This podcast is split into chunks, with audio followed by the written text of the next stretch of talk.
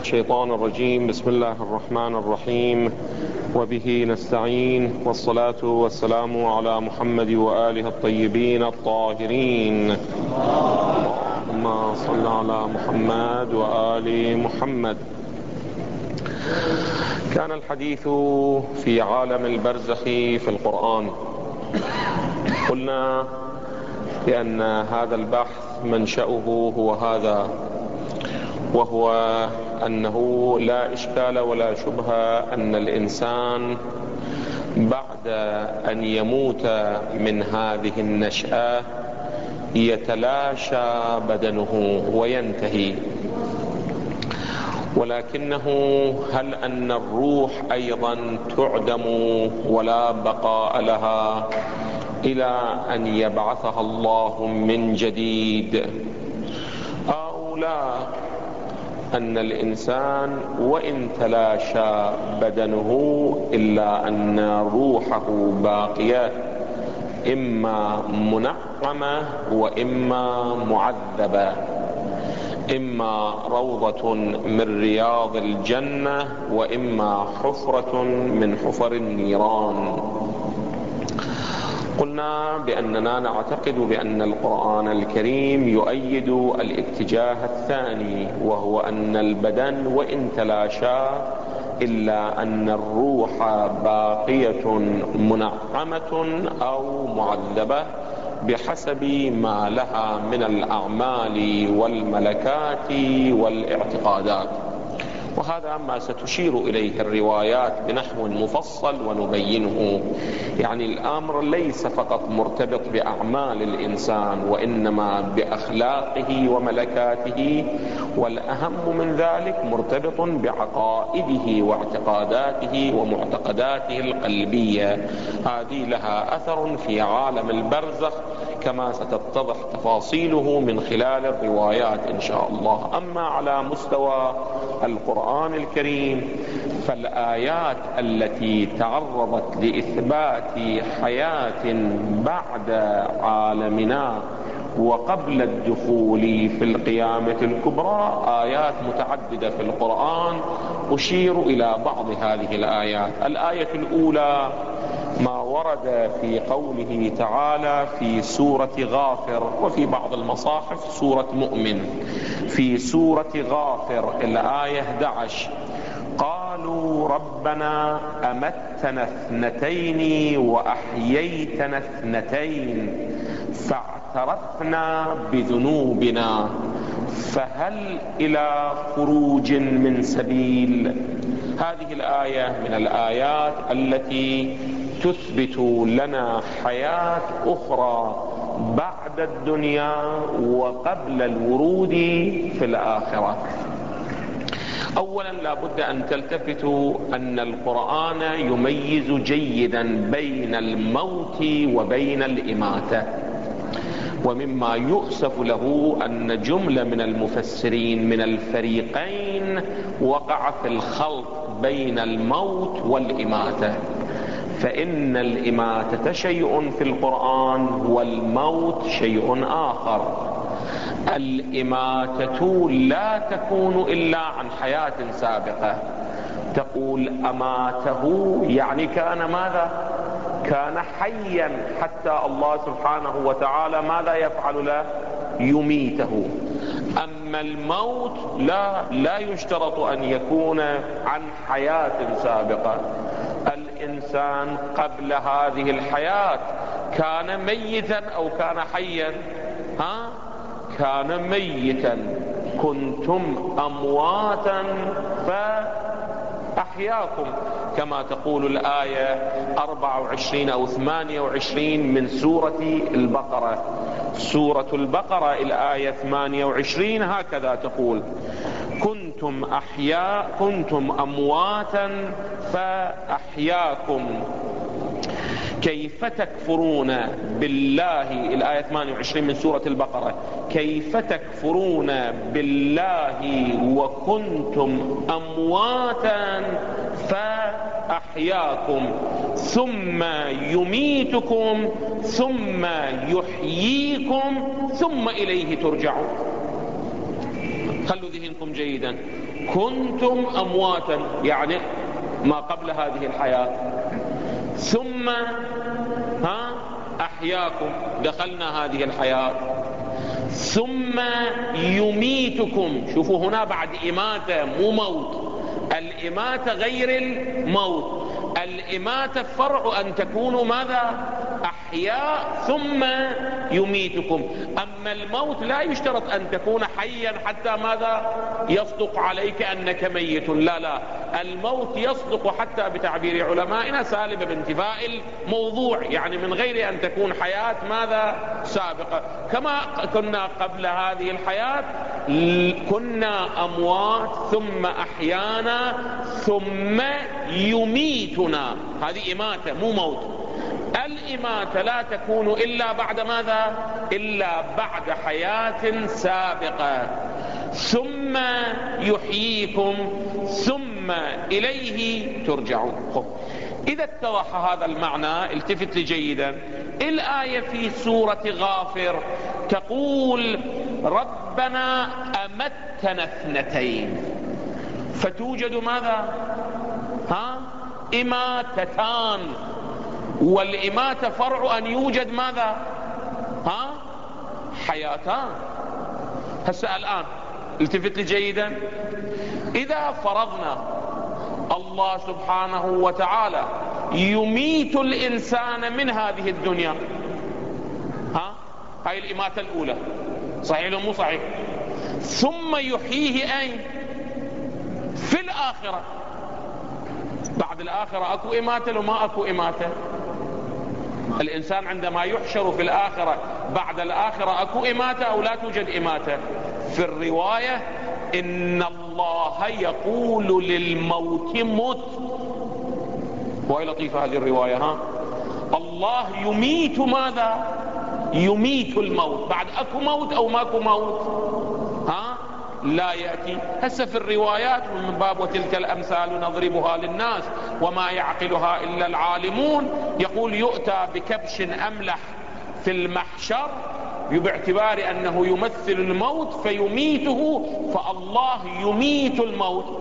في روايات أدق من ذلك تقول لا الله سبحانه وتعالى ملك الموت بعد أن يقبض أرواح العالمين جميعا الله يقبض روح ملك الموت فينتهي كل شيء بعد. هسه ذاك بحث آخر أنه ما هو الموت وكيف الله يميته. المهم إذا فرضنا أنه إحنا عالم برزخ ما عندنا. الآية تقول توجد إماتتان ويوجد ماذا؟ إحياءان ها؟ هسه إذا فرضنا عالم برزخ ماكو. الإماتة الأولى متى تحققت؟ بعد هذه الحياة. الإماتة الثانية متى تتحقق؟ توجد أو لا توجد بعد ها؟ لها وجود أو ليس لها وجود؟ ليس لها وجود. لماذا؟ باعتبار أنه نحن حياة ثم إماتة ثم حياة أخروية. بعد توجد إماتة أو لا توجد إماتة؟ لا توجد إماتة. إذا هذه الآية التي تقول إماتتان لا بد أن يفرض وجود ماذا؟ ها؟ عالم برزخ في الوسط. حياة دنيوية ثم إماتة عنها للدخول في عالم البرزخ. حياة برزخية ثم إماتة عن البرزخ. عجيب يعني إحنا عندنا موت ثاني يقول بلي هذا الموت الأول وإلا الإماتة الثانية. بعد عالم ماذا؟ بعد عالم البرزخ. ثم تنتقلون إلى ماذا؟ ثم تنتقلون إلى القيامة الكبرى وإلى الحشر الأكبر. وذكرنا مرارا أن معنى الإماتة يعني الانتقال من عالم إلى عالم آخر. وبتعبير أمير الموحدين إنما تنتقلون من دار إلى دار الموت ليس الإماتة ليس إعدام. الإماتة انتقال. من نشأة إلى نشأة أخرى. هذا اعرفوه جيدا. ما هو تعريف الإماتة؟ مو الموت ها؟ لأنه اتضح بأن الموت غير الإماتة.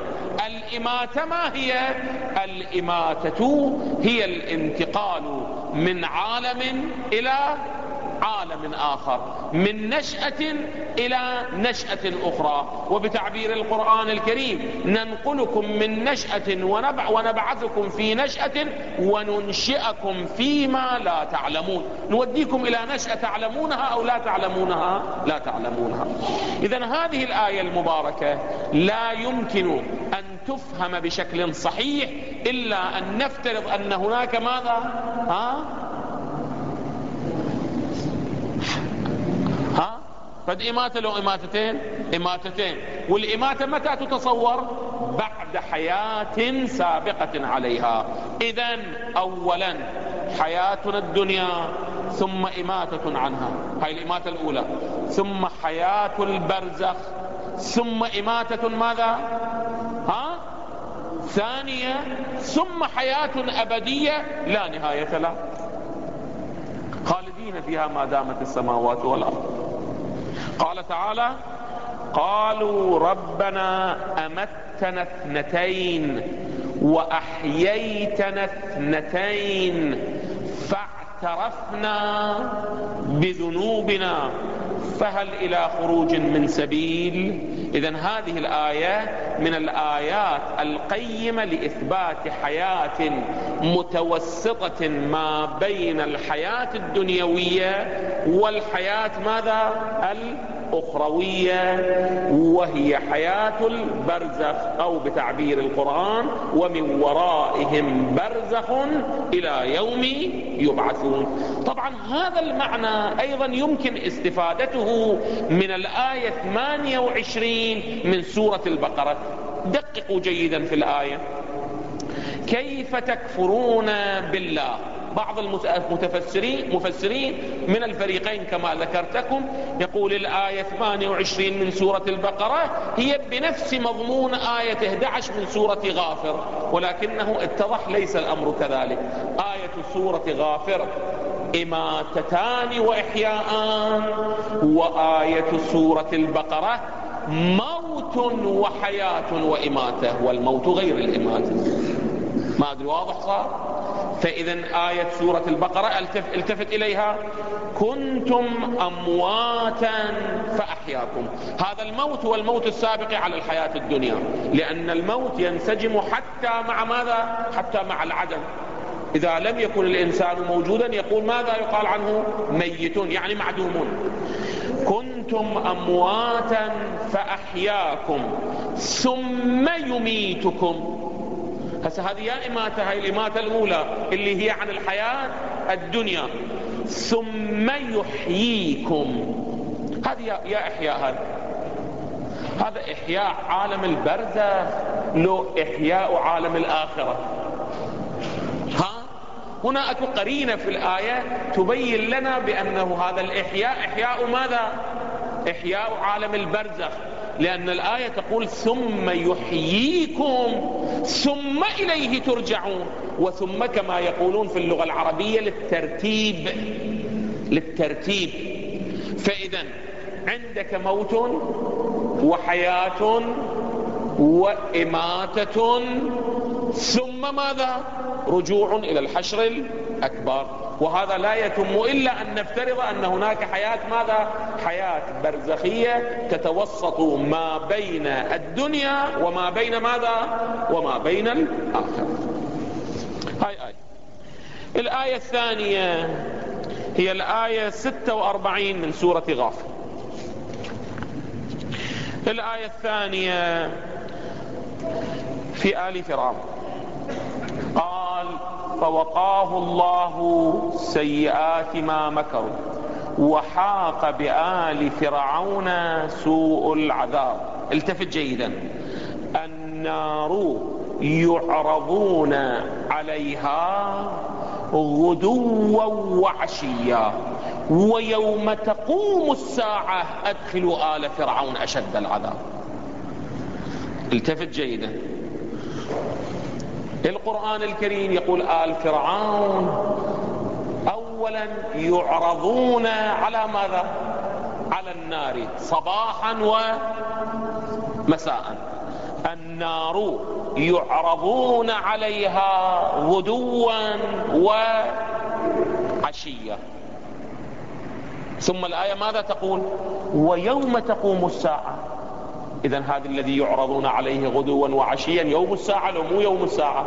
لا مو يوم الساعة قبل يوم الساعة. إذا الله سبحانه وتعالى هذول يخليهم آلاف السنين يوميا يراويهم النار مرتين. يقول لهم هذا مكانكم. فهؤلاء يعيشون ماذا؟ ها؟ في هلع وجزع وخوف لا مثيل له. لا مثيل له. يوميا هذول الله سبحانه وتعالى طعامهم في الصباح والمساء لا بد أن يعرضون على النار غدوا وعشيا عند ذلك ويوم تقوم الساعة أدخلوا آل فرعون أشد العذاب. هسه بعد من هنا تفهم بأنه واقعا الإنسان الإنسان الذي لا يستحق أو لم يعمل الصالحات اعتقاداته لم تكن صحيحة. بعد من يموت هم بعد من حقنا نقول ارتاح. النار يعرضون عليها. طبعا أمير المؤمنين سلام الله عليه يستدل بهذه الآية على أنه عالم البرزخ يقول لأنه في الآخرة غدو وعشي ماكو. لا يرون فيها شمسا ولا الزمهريرة هناك ليل ونهار ماكو. هذا الليل ونهار مال وين؟ ها؟ الليل ونهار مال إين؟ مال الدنيا لأنه فيها شمس وقمر ودوران وحركة وإلى آخره. أما في الآخرة أكو ليل ونهار لو ما أكو ليل ونهار ها؟ فلهذا نادرا نادرا الإخوة اللي يرون رؤيا والرؤيا صادقة يرون أنها في الليل أو في النهار. هذه ما يلتفت إليها عادة في الرؤيا. خلوا ذهنكم عندما ترون الرؤى. المرة شوفوا كان بالليل أو بالنهار أبدا ما تلتفتون أنه كان في الليل أو في النهار.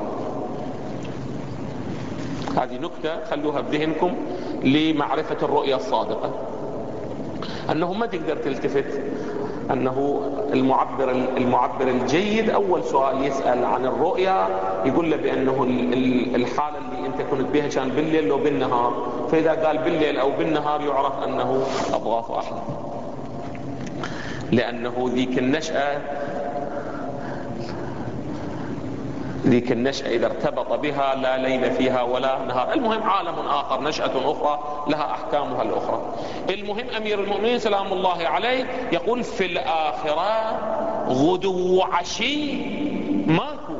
إذا الآية عندما قالت يعرضون عليها غدوا وعشيا يظهر أنه كان في الآخرة أو لم يكن في الآخرة. كان لم يكن في الآخرة وإنما كان في عالم البرزخ. ويوم تقوم الساعة أدخلوا آل فرعون أشد العذاب. هذه الآية الثانية. الآية الثالثة هي ما ورد في سورة آل عمران الآية 169 الآية 169 من سورة آل عمران هذه. تعالى ولا تحسبن الذين قتلوا في سبيل الله أمواتا بل أحياء عند ربهم يرزقون. هذه الآية تبين بأن الذين قتلوا في سبيل الله بعد الموت بعد أن يموتوا أمواتهم لأحياءهم. ها؟ أحياء من هنا ذكر بعض المفسرين بأن هذه الآية تثبت حياة برزخية بعد الموت ولكنها تختص بمن؟ ها؟ تختص بالشهداء في سبيل الله بالمقتولين في سبيل الله. خصوصا إذا نظرنا إلى الآية 154 من سورة البقرة. الآية 154 من سورة البقرة. ولا تقولوا لمن يقتل في سبيل الله أموات بل أحياء ولكن لا تشعرون. من هنا حاول البعض أن يقول أن الحياة البرزخية موجودة ولكن مختصة بمن؟ ها؟ مختصة بالمجاهدين بالذين قتلوا في سبيل الله. ولكنه في الآية 170 من سورة آل عمران هذه النظرية تبطل. يتضح بأنه لا هذه مو مختصة بالمقتولين في سبيل الله. قالت الآية ولا تحسبن الذين قتلوا في سبيل الله أمواتا بل أحياء عند ربهم يرزقون. بعد فرحين بما آتاهم الله من فضله ويستبشرون بالذين لم يلحقوا بهم من خلفهم ألا خوف عليهم ولا هم يحزنون يستبشرون بنعمة من الله وفضل وأن الله لا يضيع أجر المؤمنين مو أجر المجاهدين. إذا هذا الذي وصلوا إليه عنوانه ما هو؟ الإيمان والجهاد. ها؟ عنوانه الإيمان. فإذا هذا الذي يرزقون أحياء عند ربهم يرزقون فرحين يستبشرون. هذه خاصة بالمقتولين في سبيل الله أو توجد للمؤمنين أيضا. فذيل الآية صدر الآية وإن كان يخصص كما يقولون إلا أن ذيل الآية ماذا؟ يعمم لأن صدر الآية مختصة بالمجاهدين. ولكن ذيل الآية ماذا يقول؟ يقول إن الله, أن الله لا يضيع أجر المؤمنين ومن الواضح أن المؤمن أعم ماذا؟ أن المؤمنين أعم وأوسع دائرة من الذين ماذا؟ قتلوا في سبيل الله. إذا آية سورة آل عمران أيضا من الآيات التي تثبت لنا أن المؤمنين لهم حياة برزخية وأنهم أحياء عند ربهم يرزقون.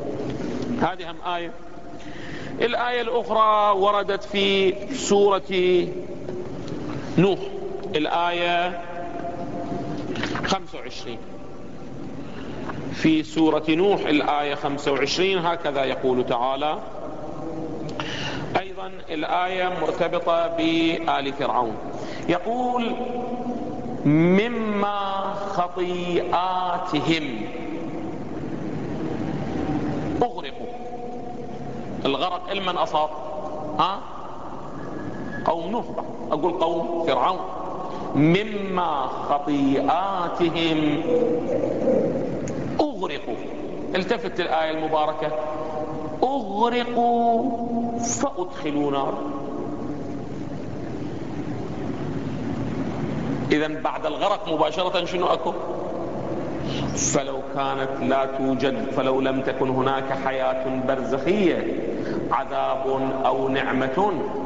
أغرقوا فأدخلوا أو أغرقوا فماتوا إلى أن الله سبحانه وتعالى يدخلهم النار. أي منهما ها؟ صريح الآية المباركة. فلهذا إذا تتذكرون نحن بالأمس قلنا أن القبر الكلامي غير القبر ماذا؟ الفقهي. هؤلاء أغرقوا. قبر فقهي عندهم لو ما عندهم هذول؟ ها؟ قبر فقهي لا يوجد لهم. ولكن القرآن يقول القبر الكلامي ماذا؟ موجود لهم. مما خطيئاتهم أغرقوا فأدخلوا نارا فلم يجدوا لهم من دون الله أنصارا. هذه مجموعة من الآيات الواضحة الدلالة على وجود عالم البرزخ ما بين هذه النشأة وبين ماذا؟ وبين النشأة الأخرى. فلهذا إذا يتذكر الإخوة نحن في أول الأبحاث قلنا معنى البرزخ هو ماذا؟ هو الحاجز هو الذي يقع بين شيئين. مرج البحرين يلتقيان بينهما برزخ لا يبغيان يعني بينهما حاجز لا يبغي أحدهما عن على الآخر. كذلك عالم البرزخ إنما سمي هذا العالم بعالم البرزخ لأنه يقع بين الدنيا والآخرة. أما على مستوى الروايات الروايات في ذلك كثيرة جدا. أنا أقف على بعض هذه الروايات لأن فيها خصوصيات جيدة. من هذه الروايات الرواية الأولى هاي الروايات أنقلها الآن من كتاب تسلية الفؤاد في بيان الموت والمعاد واقعا أنا أنصح الإخوة أن يطالعوا هذا الكتاب. من الكتب القيمة جدا. من الكتب القيمة جدا لأنه إحنا عندنا من الأمور التي يستحب للإنسان دائما أن يتذكرها هو الموت. لا أقل يستحب للإنسان أن يتذكر الموت في اليوم والليلة الثلاثين مرة مثلا بل. هسه إذا قدر أن يتذكرها ستين مرة باليوم أم جيد. واقعا تذكر الموت إنسان كثير من الشهوات وغرائز وأعمال يطمئن ينصرف عنها يطمئن وينصرف عنها. نسيان الموت تؤدي بالإنسان أن يفعل ما يفعل. فلهذا أي عمل أردت أن تقوم به؟ أي عمل أردت أن تقوم به؟ أولا تذكر الموت وماذا يحدث عليك بعد الموت؟ وأن منكر ونكير يسائلونك عن هذا العمل. شوف بينك وبين الله؟ تستطيع أن تجيب منكر ونكير؟ لو ما تستطيع أن تجيبه. إذا عندك حجة تجيب ملك الملائكة الذين يسألون افعل. حجة بينك وبين الله تكون تامة ها. أما إذا ما عندك حجة اعلمها اليوم افترض ما حد يحاسبك عليها ولكنه غدا أليس الصبح بقريب؟ أكو محاسبة لو ما أكو محاسبة. لا تتوقع من المحاسبة راح تتأخر خمسين سنة خمسين مليون سنة مئة مليون سنة إلى أن تقوم القيامة الكبرى. لا لا لا أبدا أبدا. و و والأهل يبكون عليك. سؤال منكر ونكيرا بدأ عليك. هذه ما القضية؟ تصلوا له في الليل كذا صلاة الوحشة. ترى هذه كلها أعمال متأخرة عن سؤال منكر ونكير. ترى بمجرد أنه مو بمجرد أن ينتقل من هذه النشأة أساسا قبل أن ينتقل من هذه النشأة يبدأ سؤال منكر ونكير اطمئن يا أخي. وما يكون أحد مستثنى من هذه القاعدة ومن هذا القانون. فلهذا أي عمل تريد أن تقوم به؟ أي عمل؟ أي عمل؟ لا تسول لنا لك نفسك. مو عندنا فد نفس مولانا هذا فد بحث. نرجو الله أن نوفق له للإشارة إليه. القرآن كم نفس في القرآن يشير إلينا. نفس مسولة سولت لي نفسي. هاي النفس المسولة شو تسوي للإنسان؟ نفس لوامة نفس مطمئنة نفس مزينة. زين لهم الشيطان أعمالهم. تزين يا أخي سوي لك الباطل شنو هو؟ حق. وأنت تؤخذ من قبل الشيطان وملتفت لو مو ملتفت ماذا تلتفت يا أخي. التفت جيدا. تسويل النفس. تدرون شنو معنى تسويل النفس؟ هسه ما دام البحث الوقت مدى ينتهي تدرون شنو معنى تسويل النفس؟ أنه الباطل اللي عندك أنت يخلي عليه فد غطاء من الحق. فأنت من تعاين الفعل مالك شو تشوفه حق لو باطل. ها؟ شو تشوفه إذا تتذكرون إحنا في مسألة أنزل من السماء ماء فسالت أودية بقدرها فاحتمل السيل زبدا رابيا. شنو كان عندنا؟ كان عندنا فد حق ولكن ظاهره شنو؟ باطل. الشيطان يعكس القضية إليك. شو يسوي لك؟ فد باطل. هيك مملوء يأتيه يأتيك به ثم يلبسه لباس ماذا؟ لباس الحق. انت من تعاني تقول بابا تكليفي أصلا تعطي دينك لاجله ولكن أنت لا تعلم أنك تعطي دينك للباطل التفتوا جيدا لهالمسألة. شهر شهر رمضان. شهر أنت مهيئ واقعا أن تقترب من الله سبحانه وتعالى. كل العوامل مهيئة للاقتراب من الرحمة الإلهية والابتعاد من السخط والغضب الإلهي. الشهر إذا أنت ما قدرت تحصل فيه شيء اطمئن بأنه في الأشهر الأخرى هواي أصعب عليك تحصل فرج فلهذا أي عمل أي جهد أي شيء تريد تسويه شوف بينك وبين الله في أول ساعة من ساعات القبر الكلامي ها مو القبر الفقهي في أول ساعات من ساعات القبر الكلامي من يأتي منكر ونكير ويسائلانك عن العمل عندك حجة لو ما عندك حجة؟